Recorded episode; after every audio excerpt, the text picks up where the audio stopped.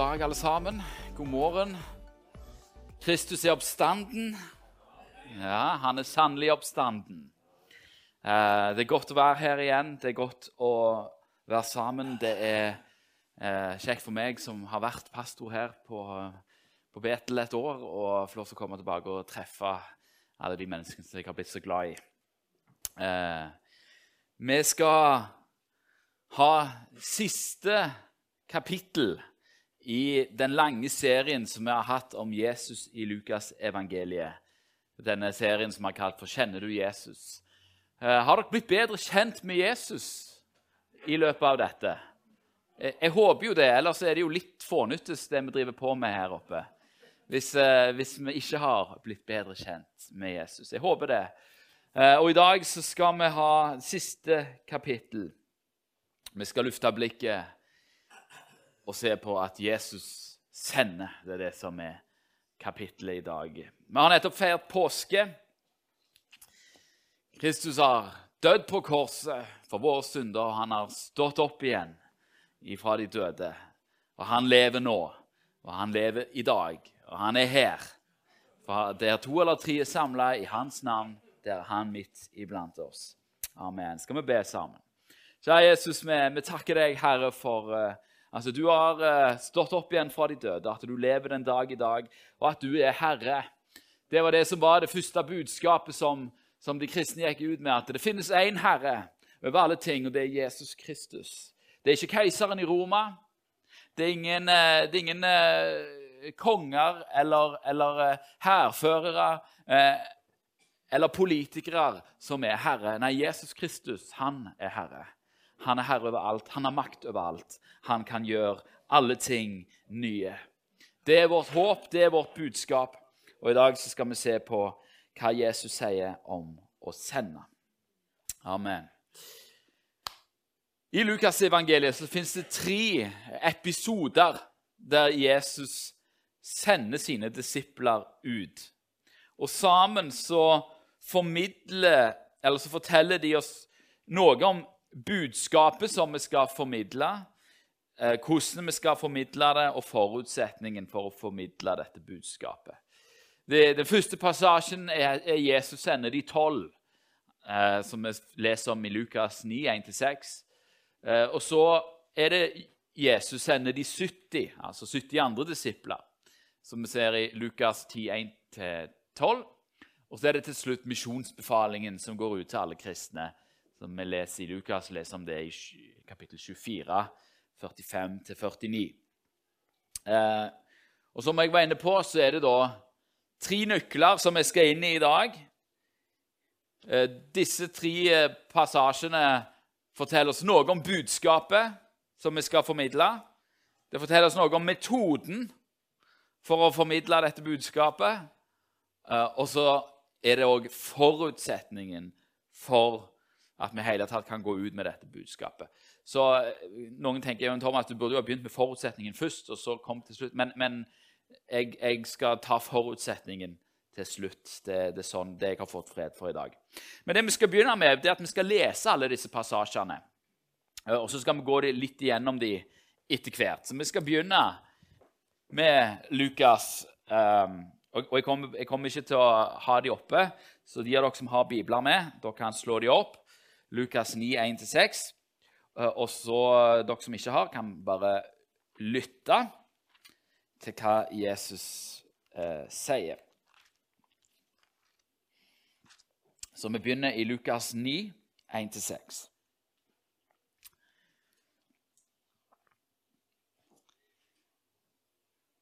Han kalte sammen de tolv og ga dem makt og myndighet over alle onde ånder og til å helbrede sykdommer. Han sendte dem ut for å forkynne Guds rike og helbrede syke. Han sa til dem, ta ikke noe med på veien, verken stav eller sekk eller brød eller penger. Heller ikke skal dere ha to kapper hver. I det huset hvor dere tar inn, skal dere bli, og derfra skal dere dra videre. Men er det noen som ikke vil ta imot dere, så gå ut fra den byen, og dere skal riste støvet av føttene til et vitnesbyrd mot dem. De gikk så ut og dro fra by til by, og de forkynte evangeliet og helbredet folk overalt. Det var Lukas 9, 1-6. Så skal vi lese Lukas 10, 1-12. En litt lengre passasje. Og Jesus går litt mer inn i detaljene. Senere utpekte Herren, Herren 70 andre og sendte dem ut foran seg, to og to, til hver by og hvert sted hvor han selv skulle komme. Han sa til dem, Høsten er stor, men arbeiderne få. Be derfor høstens herre at han vil drive arbeidere ut til sin høst. Gå av sted. Se, jeg sender dere som lam midt iblant ulver. Bær ikke pung, ikke sekk, ikke sko. Gi dere ikke i snakk med folk langs veien. Når dere kommer inn i et hus, så si først fred være med dette hus. Og er det et fredens barn der, så skal deres fred hvile over ham. Men hvis ikke, skal den vende tilbake til dere.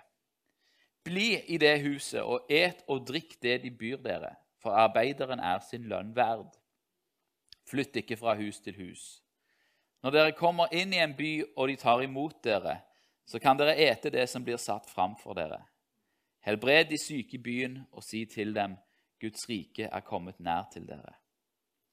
Men hvor dere kommer inn i en by, og de ikke tar imot dere, der skal dere gå ut på byens gater og si:" Til og med støvet fra byen deres, som er blitt hengende ved våre føtter, eller ved føttene våre, børster vi av mot dere. Men, dere skal vite, men det skal dere vite, at Guds rike er kommet nær. Jeg sier dere, det skal gå Sodoma tåligere på den dagen enn den byen. Så er det Lukas 24, 45 49. Nå har Jesus stått opp igjen.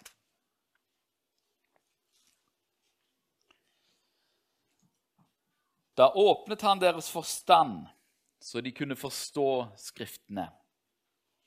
Og han sa til dem, så står skrevet at, Messias måtte lide og stå opp fra de døde den tredje dagen, og at i hans navn skal omvendelse og syndenes forlatelse forkynnes for alle folkeslag fra Jerusalem av.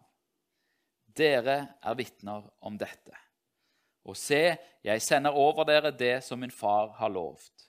Men dere skal bli i byen til dere blir ikledd kraft fra det høye. Amen. Mye tekst, mye instrukser. Jeg skal gå litt gjennom de forskjellige instruksene.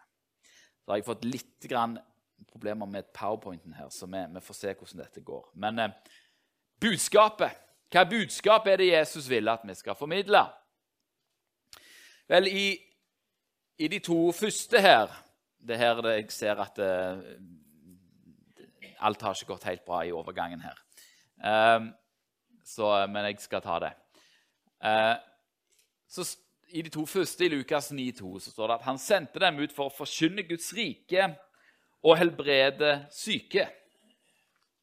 I Lukas 10,9 så står det Helbred de syke i byen og si til dem Guds rike er kommet nær til dere. Og i Lukas 24, 46-48 står det at så står skrevet at Messias måtte lide og stå opp fra de døde den tredje dagen, og at i hans navn skal omvendelse og syndenes forlatelse forkynnes for alle folkeslag fra Jerusalem av. Dere er vitner om dette.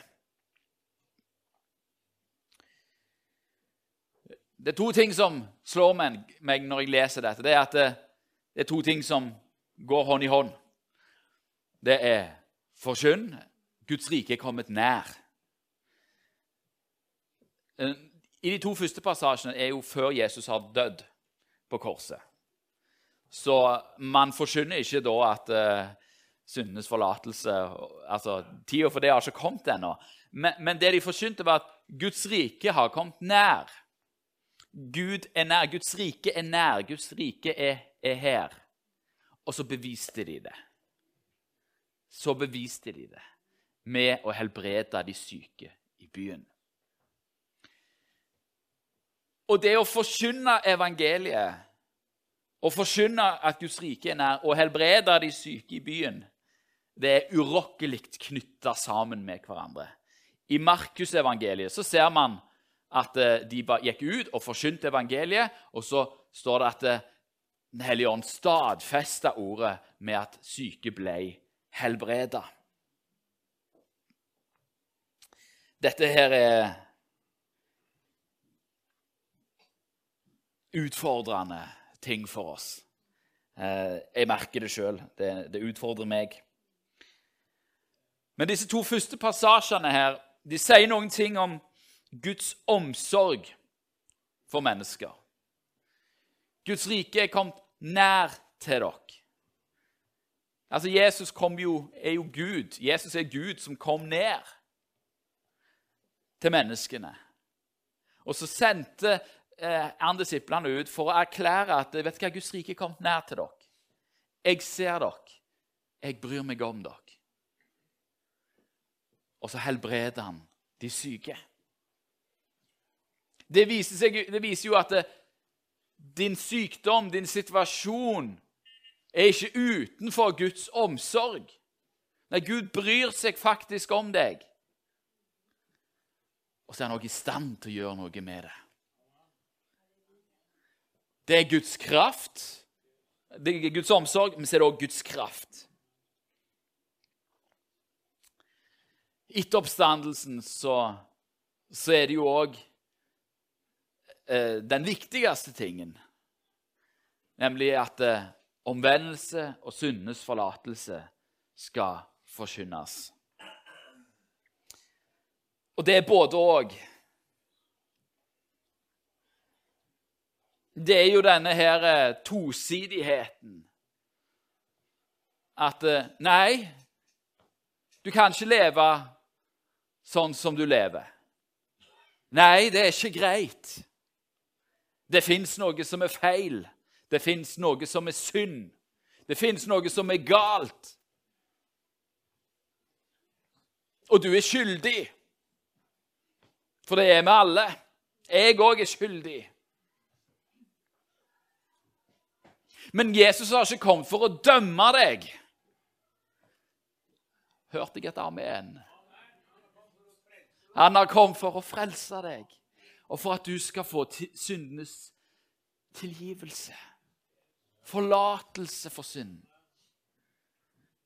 Han har kommet for at den, det, det som vi gjør feil, kan vi få lov til å bekjenne. Og så vil han ta vekk skylden. Og så vil han ta vekk synden, og så vil han ta vekk grunnen til at du går og drikker fra feil brønn. Og så vil han gi deg det levende vannet. Og så vil han gi deg livet med store L, fordi han er livet. Han vil gi deg seg sjøl. At du kan få drikke i hans nærvær. Få lov til å, være med han. Senere så skal vi spise og drikke han. Fordi vi trenger han. Vi trenger han i livet. For vi har en evig lengsel men det finnes en evig frelser som kan fylle den lengselen. Det er, derfor, det er derfor vi er skapt, for at han skal få lov til å fylle vår lengsel. Og vi skal få lov til å leve med han. Det er budskapet som vi forkynner. Det finnes tilgivelse for synd. Det finnes gjenopprettelse. Det finnes et liv med Jesus. For Jesus er dødd, men han har også stått opp igjen. Og han lever i dag. Og han er her. Guds rike er nært. Det er her. Det er her. Og så er det metoden. I Lukas 3-5 så står det at han sa til dem Ta ikke med noe på veien, verken stav eller sekk eller brød eller penger. Heller ikke skal dere ha to kapper hver. I det huset hvor dere tar inn, skal dere bli, og derfor skal dere dra videre. Men er det noen som ikke vil ta imot dere, så gå ut fra den byen, og dere skal riste støv av føttene til et vitnesbyrd mot dem.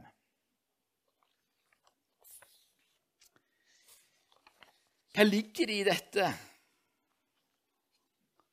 Ikke ta med stav, sekk, brød eller penger. Vi må jo oversette litt. Dette her er jo Judea, altså Judea på Jesu tid. Eh, det er Jeg vet ikke hvor mange av dere som går rundt med stokker. Jeg tenker at å ikke ta med en stav det er ingen problem for meg. Jeg pleier ikke å gå med stokk til vanlig. Eh, sekk Ja, jeg har nok koffert. Eh, ikke ta med brød eller penger. Altså Det dette handler om, er hva, gjør du hvis du, hva gjorde du på den tida hvis du tok med deg stav? Eh, det er også litt sånn interessant det der med stav, fordi I Markus står det at du skal ta med deg stav, mens her står det at du ikke skal ta med deg stav. Man tenker at det kan være to forskjellige staver vi snakker om. Den staven det kan være snakk om her, er en, en stav til å slå folk med. Um, til, til selvforsvar. Eh, sekk handler jo om eh, å ha ekstra, ekstra skift med seg, ha med seg utstyr. Hvis dere skal på polferd, så må du ha med deg sekk. Eh, du må være forberedt. Det er liksom det store idealet hvis du skal på en eller annen sånn stor ekspedisjon. Du må være forberedt på alle eventualiteter. Men her sier Jesus, 'Ikke forbered deg'. Ikke sikre deg. Dette høres jo Jesus, dette kan du ikke mene. Skal vi ikke være forberedt? Nei. Hva er poenget? Hvorfor skal vi ikke gjøre det? Hvorfor skal jeg ikke ta med sekk? Hvorfor skal jeg ikke ta med to kapper? Hvorfor skal jeg ikke ta med brød eller penger? Hvorfor er det så essensielt at jeg ikke tar med? Ja, det er nettopp det. Når jeg har en forberedelse, så har jeg en plan. Da har jeg en strategi. Da, da, da kan jeg jo fikse dette på egen hånd. Men jeg kan ikke fikse dette på egen hånd. Og Hvis jeg vil være en formidler av Guds rike, så må jeg være totalt avhengig av Han. For uten meg kan dere ingenting gjøre. Ja, men jeg kan jo uh, gå Uten meg kan dere ingenting gjøre. Derfor Jesus, ikke sikre dere når dere går ut med evangeliet. Ikke ta med dere en stokk til beskyttelse. Jeg er din beskyttelse. Ikke ta med deg utstyr eller sekk. Ikke ta med deg ekstra mat og ekstra penger. Jeg vil gi deg det du trenger. Stol på meg. Lukas 10 så kommer det en litt eh, lengre variant, eh, og her igjen så blir det blitt litt for mye tekst. Um, men jeg skal lese det. Ja. 3-8 og 10-12. Gå av sted, så jeg sender dere som lam midt iblant ulver. Bær ikke pung, ikke sekk, ikke sko. Ikke sko engang i dette tilfellet. Gi dere ikke snakk med folk langs veien. Når dere kommer inn i et hus, så si først 'fred være med dette hus'. Og er det fredens barn der, så skal deres fred hvile over ham. Men hvis ikke skal jeg vende tilbake til dere. Bli i det huset og et og drikk det de byr dere, for arbeideren er sin lønn verd. Flytt ikke fra hus til hus. Når dere kommer inn i en by, og de tar imot dere, så kan dere ete det som blir satt fram for dere. Men hvor dere kommer inn i en by, og de ikke tar imot dere, der skal dere gå ut på byens gater og si, til og med støvet fra byen deres, som er blitt hengende ved føttene våre, børster vi av mot dere. Men det skal dere vite at Guds rike er kommet nær. Jeg sier dere, det skal gå Sodoma tåligere på den dagen enn den byen. Igjen så er det dette her Ikke sikre dere. Bær ikke pung, altså pengepung. Bær ikke sekk, ikke sko. sko. Hvis du ikke hadde sko i den datidens Israel, så betydde det at du er veldig, veldig fattig. Alle hadde sandaler, liksom. Alle gikk rundt med sandaler. Hvis du ikke hadde råd til sandaler engang, da var du fattig. Og det er det Jesus sier her. Selv om du er fattig, eller selv om du går i fattigdom, så skal du ikke tenke på det, fordi jeg er med deg. Så er det noe med målrettethet som blir sagt, sagt her. Gi dere ikke snakk med folk langs veien. Disse, dette er jo når han sender de 70. De skulle da gå ut til utvalgte byer, for der, skulle, der Jesus var på vei gjennom. Og da, de ikke, da hadde de et oppdrag. Det betydde at det, det var eh, De kunne ikke gi seg i snakk med folk langs veien, for da mista de oppdraget i syne. Det er masse viktige ting, og det er mange interessante folk, men hva har Gud lagt på ditt hjerte? Hvor er det du skal gå? Så fokuser på det, da. Ikke la deg distrahere på veien.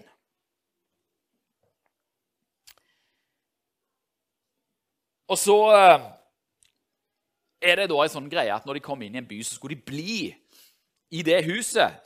Der de, hvis de hadde blitt tatt imot, så skulle de bli i det huset og ikke reise rundt fra hus til hus. Jeg kan lure på hvorfor i all verden skulle det Hva er poenget med det? Hvorfor kan jeg ikke reise rundt fra hus til hus? Det må være fryktelig byrde for det huset som skal ha meg alle de dagene jeg skal være her. Hvorfor ikke? Nei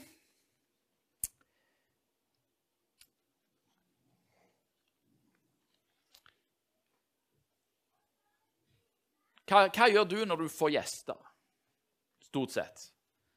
Jo, da disker man ofte opp litt ekstra. Ikke alltid, altså, men noen ganger så er det liksom sånn. Og, og, det var det som på en måte man satt, satte fram den beste maten sant, til gjestene. Eh, I Norge, sånn i vikingtid, så var det måten man tok inn skatt på. Kongen hadde ikke noen hovedstad. Han bare reiste rundt fra stormann til stormann og spiste opp all maten. Så de hadde fest hver eneste dag fordi de reiste rundt langs kysten. Det kaltes for veitslerett. Retten til å komme og spise hos andre. Så de, det var liksom fra tur til tur, og det var der hovedstaden var, da, hvor enn kongen var. Og Forskjellige stormenn hadde da veitslerett rundt på sine gårder, eller på gårdene som var unna de. Det var liksom måten man betalte skatten på. Man sendte liksom ikke skatten til myndighetene. Myndighetene kom, og så spiste de opp skatten. Sånn skulle ikke Guds medarbeidere operere.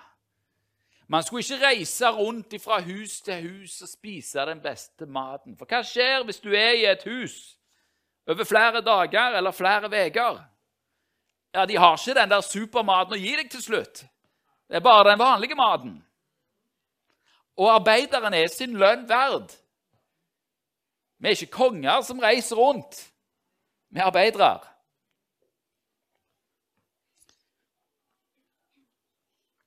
Og det handler også om å ikke miste fokus. For hva hvis du kom inn en plass, og der var det enkelt og greit, og så var det noen andre som inviterte deg? Og de var jo mye finere og mye flottere. Og så var det lett å miste fokus og heller ville være der. Akkurat som det handla om maten, og ikke om budskapet.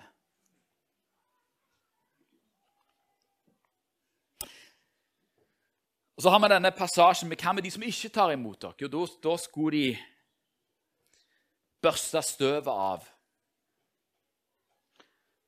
Eh, og, og si til meg OK, dere vil ikke ha noe med oss.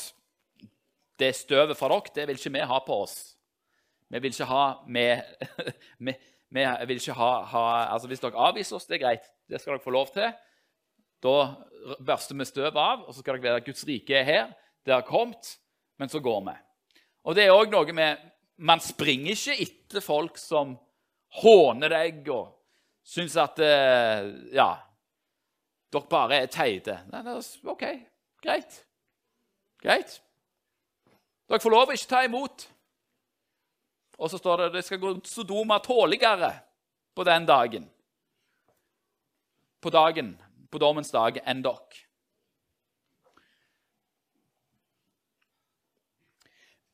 Men akkurat dette ordet her For oss kan det virke litt strengt, kanskje. Men jeg, Jeg kjenner en fra Afghanistan. Eh, dette verset, disse versene var det som førte ham til frelse.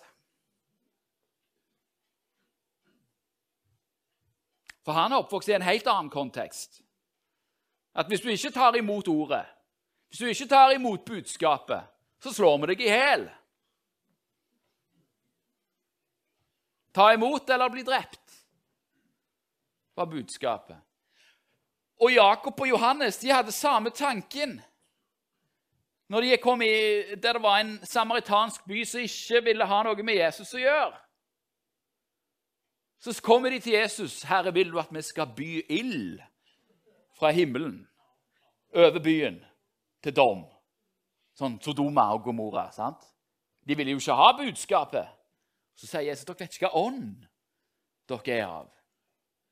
Jeg har ikke kommet for å dømme verden, jeg har kommet for å frelse verden. Ja, det finnes en dom.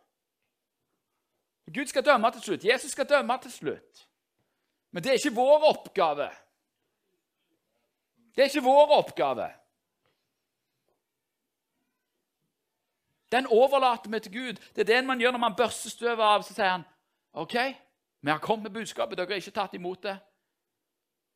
Guds rike er kommet, Guds rike er her. Jeg overlater dere til Gud. Så får Gud gjøre med dere som han synes er best. Og det ordet det er at eh, ok, hvis dere ikke avviser oss, så er det greit. Vi tvinger dere ikke. Ingen kan bli tvungen inn i Guds rike. Det er ikke vår oppgave å tvinge folk inn i Guds rike. Det kan bare bli tatt imot i tro, og ikke ved tvang. Det, det er fristende å tvinge, vet du. Det er fristende å tvinge, men vi kan ikke tvinge. Kan ikke tvinge noen til å elske Jesus. Da er det jo ikke kjærlighet, da. Da er det jo tvang. Kjærlighet er jo det motsatte av tvang.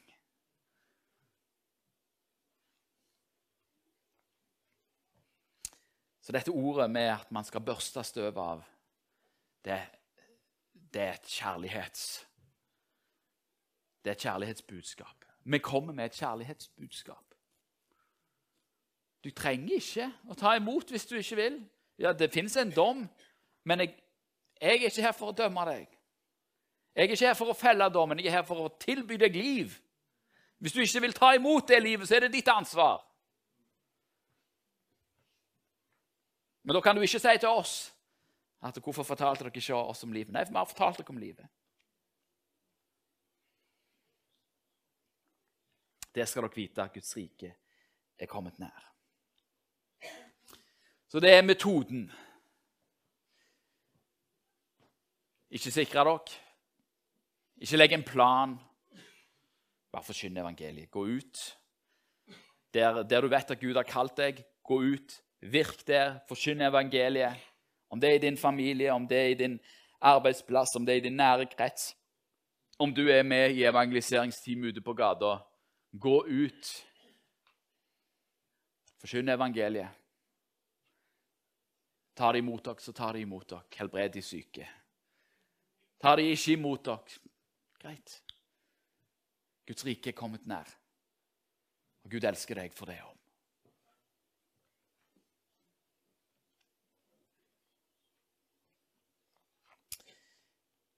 Vær målretta. Ikke mist fokus. Ikke lag distrahere. Forkynne evangeliet. Det er metoden.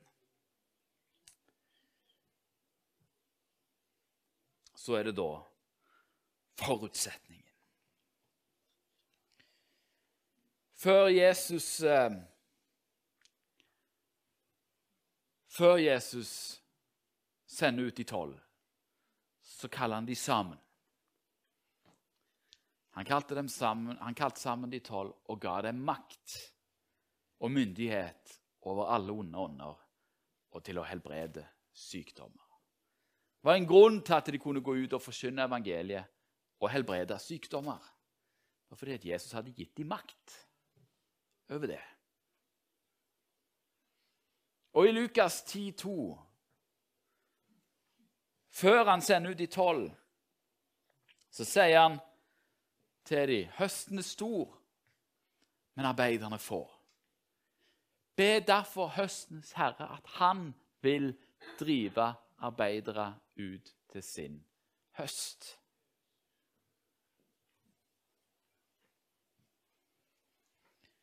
Og i Lukas det var det som ikke kommer her, men i Lukas 24, 49, Han sier at eh, Jesus sier at omvendelse og, og uh, syndesforlatelse skal forkynnes.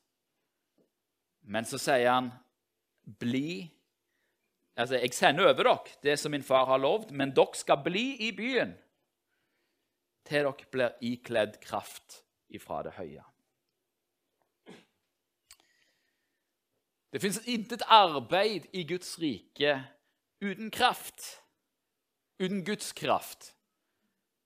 For hvis du arbeider i Guds rike i din kraft, så blir du trøtt, sliten, lei når du ikke ser resultatene komme, og så finner du på noe annet. Fordi at du er ikke evig, du har ikke et evig oppkomme av kraft. Men det har han.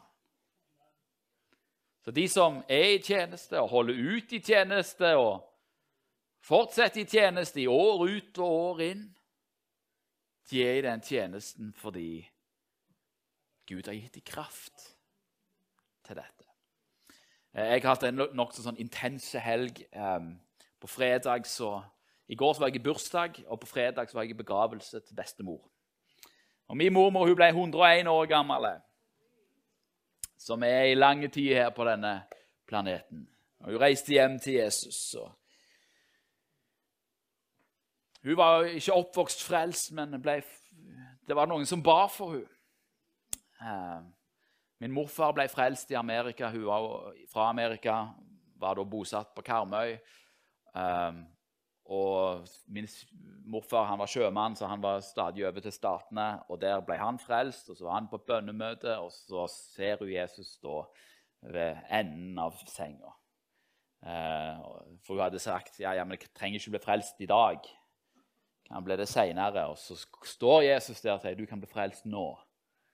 Eh, gå inn til svigerforeldrene dine midt på natta. Hun var jo ikke typen som gjorde det. Det er ikke så kjekt å gå inn til svigerforeldrene sine midt på natta. Men hun bankte på døra, knelte ned og tok imot Jesus som sin herre og frelser. Hennes tjeneste framfor alt var å be. Hun hadde ei lang liste som hun ba morgen og kveld, morgen og kveld.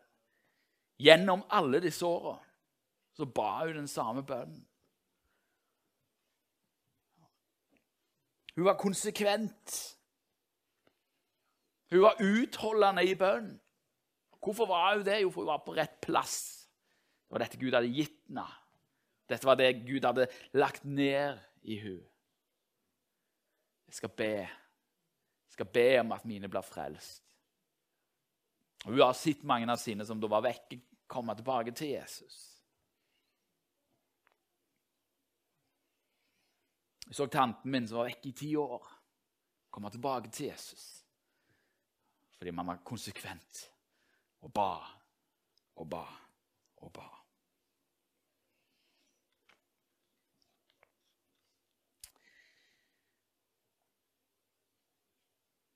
Eh, jeg eh, snakker litt med ledere i pinsebevegelsen. og eh, Øystein Gjerme, som er leder for pinsebevegelsen, han har vært og besøkt pinsevennen i Tyskland. Og Der går det så det griner om dagen. De har eh, ingen mangel på ledere, sier han. Ingen mangel på pastorkandidater. Eh, vi har nok folk til å gjøre oppgavene, til å, til å plante nye menigheter. Og, ja. og da spør jo Øystein hvorfor. Hva er det som skjer? Jo, sier han, med våre bibelskoler, med alle våre bibelskoler så ber vi denne bønnen hver dag. Vi ber høstens herre. Han skal drive arbeidere ut til sin høst. For høsten er stor, men arbeiderne er få. Jeg vil òg si et par ting om, om eh, Jeg vet ikke om noen av dere har fått med dere at det skjer ting på Vigeland. Av alle plasser. Bedehuset på Vigeland. Hvis dere ikke har, vitt, vet, har visst om det, så forteller jeg dere det nå. Eh, det er jo ikke den menigheten der, der eh, broren min er eldste, eller i lederskapet, men det er da på bedehuset. Og Der var det en 15 stykk som på en måte og liksom, Skal vi legge ned snart? sant? Og Så hadde de en møtehelg med en som heter Arthur Robertsen. eller noe sånt. Jeg vet ikke hva han heter, men ja, jeg tar ikke helt navnet. Og så, så forkynner han evangeliet om omvendelse og, og, og om fortapelse. Ja, det finnes to utganger på livet. Det er evig frelse eller evig fortapelse. Hvilken velger du? Og Så er det noen som omvender seg, og så bare tar dette her av. Og så kommer stadig flere som får komme og får livene sine forvandla. Nå er de over 200 på møtene og har holdt på sånn i fem-seks uker. Og det som skjer når du forsyner evangeliet, det er jo at folk begynner å bli friske. Så det er ei som hadde ME, som ble, ble, frisk. Det kom en annen som da kom og, og, og før møtet hilste på, på, han som står i vekkelsen. da. Og så liksom, så tok han fram venstrehånda. Hvorfor tar du fram venstrehånda og ikke høyrehånda? Nei, eh, jeg har blitt eh, jeg hadde ja, hatt store problemer, for jeg hadde hatt en skuddskade. Eh, han har vært jeger da, så han altså, blitt skjøten i hånda. Ja, men kom nå fram med hånda. Tok han han fram i, i høyre hånda, og så plutselig så griper, griper han tak fordi smertene er vekke. Så blir han helbreda. Fordi når du forsyner evangeliet, så stadfester Gud ordet med helbredelser fordi han har omsorg for mennesket. Jeg syns ikke at Vigeland skal få ha dette for seg sjøl.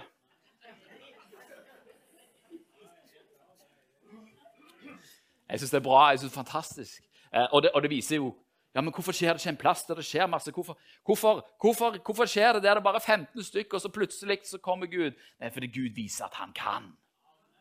Han har makt. Her er vi jo mange flere enn 15 stykker. Men Gud har makt. Han vil bare vise at det, dette handler ikke om strategi. Dette handler ikke om plan. Dette handler ikke om noen ting. Det handler om at mitt evangelium blir forkynt. Og da gjør jeg det. Og vi vil jo se dette, og hva Hvordan kan det skje her, da? Hvordan kan det skje her? Jo, det Gud han bor han i det høye og det hellige. Så bor han i det sønderknuste hjertet. Skal vi be høstens herre om å drive arbeidere ut til sin høst? Nå skal jeg gjøre noe som er, er litt uvanlig, men, men, jeg tenker at vi skal gjøre det for det. De av dere, de dere som ikke har knær til dette, så er det greit. Men til de av dere som har knær, dere kan få lov til å knele sammen med meg.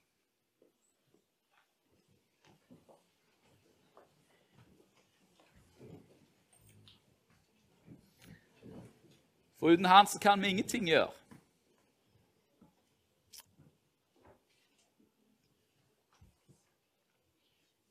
Det er her vekkelser begynner. Det er her vekkelser begynner. Det er litt ubehagelig å stå på kne. Det gjør vondt i lengden, men uh, Uten han skal vi ingenting gjøre. Kjære Jesus. Vi ber her om at du driver arbeidere ut til din høst. Vi ber Herre om at du kommer med Din Hellige Ånd. Vi ber Herre om at du gjør noe nytt. At du gjør noe nytt, Herre, iblant oss. Og du ser, Herre, Vi kneler for deg, og det er fordi at vi kan ingenting gjøre. Men du kan. Du kan. Vi bare ber, Herre, om at du kommer nå med din ånd og din kraft over denne plassen. Og du ser alle de som vi er glad i, og som vi elsker, som vi ikke vil skal gå fortapt. Men vi, vi blir nå i denne byen og venter på at du kommer med din kraft. Så ber vi Herre om at eh, vi skal få lov, Herre, å ta imot deg. Få lov til å ta imot din kraft. At du kaller mennesker. Så ber vi Herre om at de rundt oss skal bli frelst. Vi ber om at Nærbø skal bli frelst. At Varhaug skal bli frelst. At Vigrest skal bli frelst. At Bryne skal bli frelst. Klepp skal bli frelst. Brusand skal bli frelst. Ogna skal bli frelst. At Rundei skal bli frelst. At Lye skal bli frelst. Kjære Jesus, vi ber om at Jæren skal bli frelst. Og du ser, Herre, at vi kneler ned, og så har vi ikke så mye å komme med, men det har du. Og Vi bare ber om at du kommer nå, her med din kraft. Jeg ber om at du kaller på mennesker, sånn at de får vite hva de skal gjøre, hva du har satt dem til. Jeg ber om bønnemennesker. Jeg ber om at mennesker skal ta valg. Jeg ber om at du skal sende oss ut. Men vi kan ikke gjøre det alene. Vi kan bare gjøre det hvis du kommer med din kraft.